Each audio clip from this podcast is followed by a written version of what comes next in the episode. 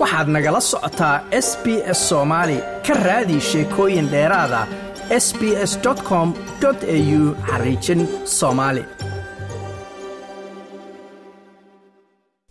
dukumiintii ka hadlaya go'aamo ay dowladda federaalka australia gaartay labadii kun iyo labadii oo ilaa iyo hadda sir ahaa ayaa muujinaya sida ay uga go-nay dowladdii howard inaysan magangelyo doonku soo gaarin dhulweynaha australia. Inkasta oo ay jireen walaac ku aadan qarashka badan ee ku baxaya iyo arrimaha xuquuqul biniaadanka dukumiintigan laga qoray shirarkii golaha wasiirada ayaa bixinaya ukuurgelid naadir ah oo ku aadan sida walaaca dhanka amniga qaran uu u saameeyey siyaasaddii socdaalka kuwaas oo qaarkood weli hadda la fuliyo ama la hirgeliyo. Oktoobar labiiyo tobankeedii labadii kun iyo labadii qaraxyadii baali ayaa ruxay xudunta dalkan australia. Laba maalmood kadibna ra'iisul wasaarihii wakhtigaas john howard ayaa baarlamaanka ka qudbeeyey.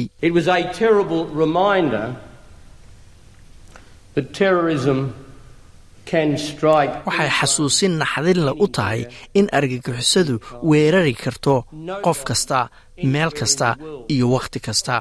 Ma jiro qof adduunkan oo dhan jooga oo ka madax bannaan ama ka tallaalan argagixisanimada bil kadibna dukumiintiga shirarkii golaha wasiirada ayaa muujinaya in australia ay alqaacida si gaar ah ugu beegsanaysay weeraro argagixiso. Labadii kun iyo labadiina ciidanka australia ayaaba galay ama ku sugnaa dalka afghanistan. Dukumiintiga golaha wasiirada ayaa muujinaya in john howard uu wadahadal kula jiray madaxweynihii hore ee maraykanka george w. Bush oo uu kala hadlayey in ciraaq ay haysato hubka waxgumaada iyo in kale. Ka hor duulimaadkii maraykanku uu hogaaminayey ee ciraaq lagu qaaday labadii kun iyo saddexdii. Amanda vanisod oo hore wasiirad xisbiga liberaalka u ahayd ayaa sheegtay in ammaanka qaranku uu gundhig u ahaa siyaasadda arrimaha socdaalka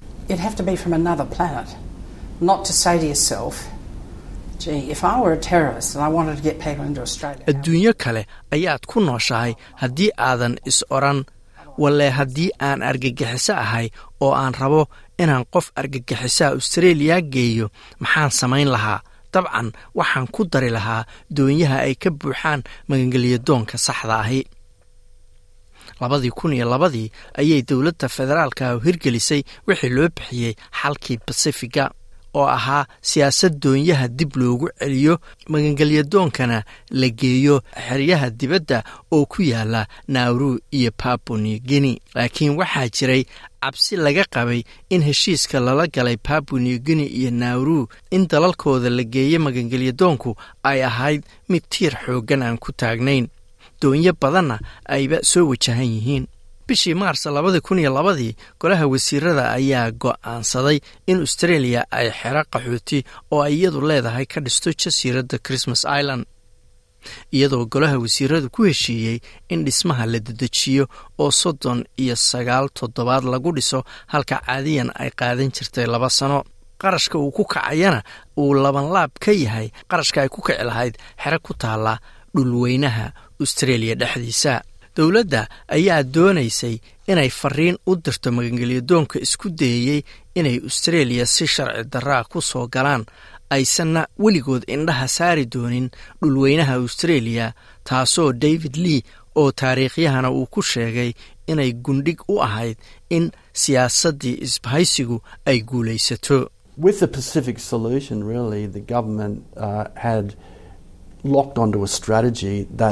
xalkii basifiga runtii dowladdu waxay ku adkaysatay istaraatiijiyad ay siyaasiyan ku guulaysatay. Inkasta oo ay qaali ahayd in magangelyadoonka goobahaasi la geeyo oo lagu maareeyo. Inkastaoo ay arrintani dhibaataysay xiriirka ay la lahayd dalalka kale sida babuni guinea. Dowladda waxaa ka go'nayd inay siyaasaddeeda fuliso qarashkii doonaba ha uga baxee inkasta oo shuruudaha xerada christmas island ay ku jireen inaan dadka ciqaab looga dhigin oo la hubiyo in la ilaaliyo caafimaadka jireed iyo kan maskaxeed ee dadka degan xerada haddana waxaa la gaaray go'aan lagu xadidayo dhaqdhaqaaqooda xorriyadda. Go'aan lagu xadidayo xorriyaddooda dhaqdhaqaaqeed taas ayaa loo arkayey inay lagama maarmaan ahayd si loo yareeyo inay baxsadaan iyo in warbaahinta kooxaha u dooda qaxootiga iyo dadka degan jasiiraduhu ay faragelin ku sameeyaan qaxootiga halkaa degan iyo arrimahooda amanda vanstone ayaa sheegtay inaysan wax dhiba iyadu u arkaynin heerka ammaan ee xerada lagu soo rogay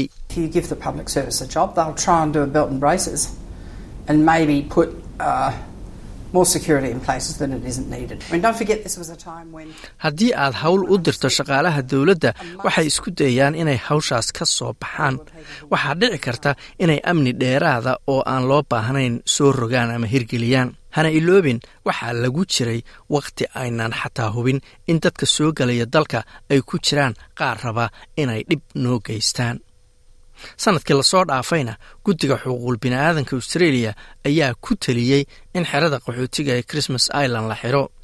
Halka dowladda albanisi ay ballan qaaday inay ka takhallusayso ama joojinayso fiisooyinkii kumeel gaarka ahaa ee la siin jiray dadka magangelya doonka.